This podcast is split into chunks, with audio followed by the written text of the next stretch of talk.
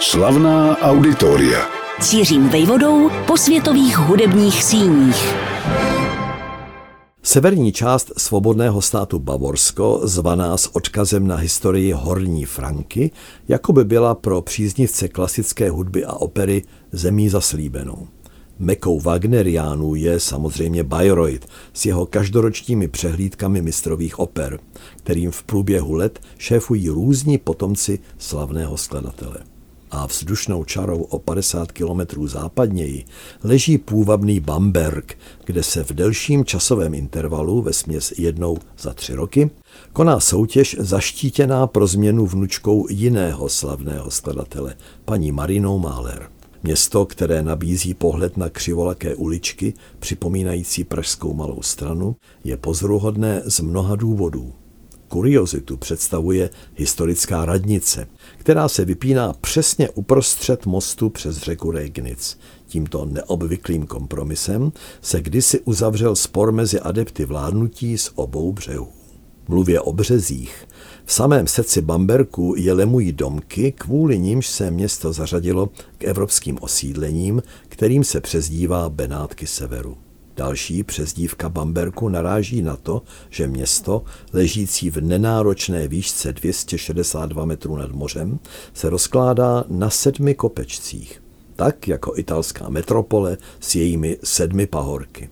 Nepřekvapí proto, že se návštěvník dočte v turistických průvodcích o tom, že se nachází ve franském Římě. Pak ovšem v hospůdce, kde se čepuje 40 druhů piva z deseti bamberských pivovarů, narazí na místní a ti pobaveně mluví o Římu jako o italském Bamberku. Ať tak či onak zcela originální chloubou zdejší kultury, a to mluvíme o městě s pouhými 77 tisíci obyvatel, je výtečný symfonický orchestr. Těsně po druhé světové válce, vytvořený značnou měrou z muzikantů, kteří se, co by praští Němci přesunuli, či spíše byli odsunuti do Bavorska a jako by se symbolický kruh nezbytného smíření po 71 letech uzavřel, nastoupil v září 2016 do čela orchestru jako jeho pátý šéf-dirigent v pořadí Čech Jakub Hrůša. Kromě vlastního koncertování a natáčení fungují bamberští symfonikové rovněž jako velkorysé zázemí pro soutěž, která se rychle stala velkým lákadlem pro dirigenty a dirigentky do 35 let z celého světa. Podmínky jejich mezinárodního klání od čistě hudebních po ryze finanční jsou totiž v Bamberku až neobvykle vstřícné. A co se prestiže týká, za vše vypovídá hned jméno vítěze prvního ročníku. Stal se jím roku 2004 tehdy 23-letý Venezuelan Gustavo Dudamel.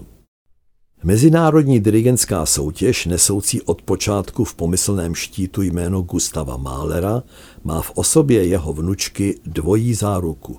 Za prvé z podílu paní Mariny Mahler na založení soutěže vyplývá, že je autorizovaná skladatelovou rodinou – za druhé byla paní Marina doživotně ustanovena čestnou členkou mezinárodní poroty a svou práci bere pokaždé prý velmi vážně. Zúročuje svůj vztah k umění obecně a k hudbě zvlášť, který není daný jen osobností jejího dědečka. Marina Mahler je totiž dcerou sochařky Anny, vzešlé z Gustavova manželství s Almou a ukrajinského dirigenta jménem Anatol Fistulány. Mimo jiné byl žákem rimského Korsakova či Artura Rubinsteina. Jako zázračné dítě poprvé pozdvihl taktovku v rodném Kijevě co by šestiletý. Ve 30. letech 20. století dirigoval pařížský orchestr, doprovázející legendárního ruského basistu Fyodora Šaljapina. S Anou Mahler se Anatol Fistulány seznámil za druhé světové války v londýnském exilu a z jejich manželství se narodila právě Marina, pochopitelně používající a k záslužným projektům využívající příjmení Mahler po mamince. Když už padla zmínka o týmu porodkyň a porodců, hodí se uvést alespoň některá ze jmen, která se v ní od roku 2004 dodnes vystřídala. Dvě křesla v porotě jsou pokaždé vyhrazena. Jedno, jak už řečeno paní Maríně, a druhé vybranému zástupci orchestru, který k organizaci, průběhu a úspěchu této mezinárodní soutěže významně přispívá. Kromě nich ale nacházíme především pojmy, které se sami prosadili v dirigentské úloze. Opakovaně se práce v porotě zhostil nezničitelný švéd Herbert Blomstedt, ročník 1927. Také náš Jiří Bělohlávek a po něm už z titulu místního šéf-dirigenta Jakub Hruša. Tato sestava ovšem hodnotí, dáli se to tak říct, až semifinálovou sestavu několika desítek adeptů. Celkově se jich totiž přihlašuje kolem pěti stovek a jejich výkony na videu se napřed musí prokousat předvýběrová porota. Na té hlavní poté spočívá úkol vybrat 10 až 12, výjimečně 14 finalistů. Zajímavě bývá zvolen též povinný repertoár, který si musí finalisté nastudovat a potom z části předvést. Je kombinací skladeb z různého období. Vzdálenější minulost v nedávném ročníku reprezentoval Wolfgang Amadeus Mozart se svojí symfonií číslo 26 S-dur. Samozřejmě nemohl chybět Gustav Mahler, zastoupený svojí symfonií číslo 4 pro soprán a orchestr. Ale zároveň se od soutěžících očekává cit pro díla 20. a dokonce 21. století. Předepsána byla proto variace pro orchestr Antona Weberna či skladba Tablo Helmuta Lachenmana, kterou autor skomponoval roku 1988 jako 53-letý a také novinka Miroslava Srnky Move 04 Memory Full. Z defilé vítězů, pro něž je mezinárodní dirigentská soutěž Gustava Mahlera jedním z odrazových můstků ke kariéře, ční dosud tři jména. Gustavo Dudamel, který suverénně zvítězil v premiérovém soutěžním roce 2004. Lahav Šáný, vítěz z roku 2013, kdy se konal šestý ročník, a Wong Ka Chung, triumfující o tři roky později. Každý z nich si zaslouží alespoň letmou zmínku. Gustavo Dudamel je z tohoto trojlístku zatím nejznámější, však také po zisku zlata v Bamberku vylétl do hudebních výšin jako raketa. Co by ceněný obojživelník, dirigující stejně dobře symfonickou hudbu jako operu, Dostal první velkou příležitost už v červnu 2006, kdy jako 25-letý pozdvihl taktovku v milánské skale. Jen o rok a čtvrt později, v září 2007, už řídil vídeňské filharmoniky. Zahájena tím byla dlouhodobá vzájemná spolupráce, vrcholící 1. ledna 2017 Dudamelovým dirigováním novoročního koncertu z Vídně. V dlouhé historii této oblíbené události byl dosud nejmladším. Následoval rok 2018 a s ním další meta, kterou Gustavo Dudamel dobil. V Metropolitní opeře dirigoval na studování Verdiho Otela. To už jako celebrita, zastávající od roku 2009 pozici uměleckého ředitele Los Angeleské filharmonie. Jestli má někdo z mladých šanci šlapat mu na paty, pak je to izraelský klavírista a dirigent Lahav Šáný.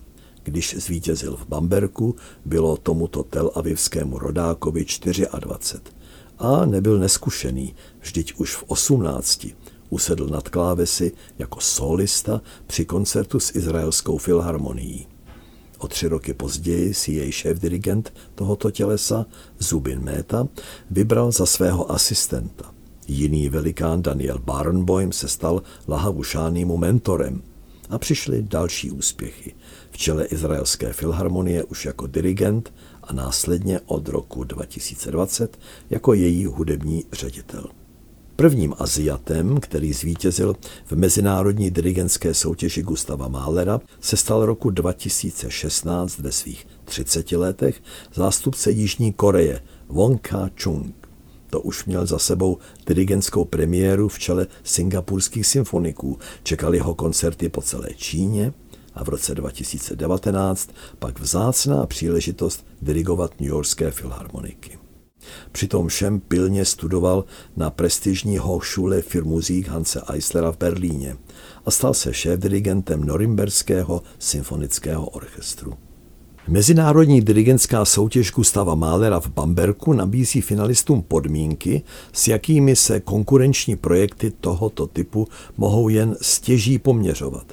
Využívá přitom štědrého finančního zázemí, které získává z oficiálních institucí i od soukromých sponzorů. A tak je všem, kdo se probojují do finále, hrazena cesta tam a zpět, lhostejno zda je to zblízka či zdaleka. Plně hrazeno mají též ubytování a ještě dostávají dietu ve výši 50 eur na den. Mnohem větší peníze jim pak přistanou na účtu v případě, že obsadí medailové pozice. Vítěz 30, druhý 20 a třetí 10 tisíc euro. To je ale konec konců jen oběživo, i když milé. Z uměleckého hlediska je zásadnější klima, ve kterém se soutěž odehrává. Skvělá koncertní síň, pojmenovaná po poválečném dirigentovi bamberských symfoniků Josefu Keilbertovi, jim po celou dobu soutěžního klání otevírá dveře do kořán. Nejen při vystoupeních, ale i během zkoušek je jim orchestr plně k dispozici.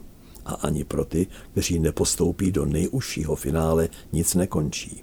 Zůstávají v Bamberku až do závěrečného večera, mohou pozorovat úspěšnější kolegyně či kolegy, diskutovat s hudebníky či s porodci. Dělnou atmosféru obdivuje i Marina Máler, která vzpomíná, jak se jméno jejího dědečka dostalo, alespoň podle ní, do nejširšího povědomí. Bylo to díky dvěma příležitostem. Ve 63.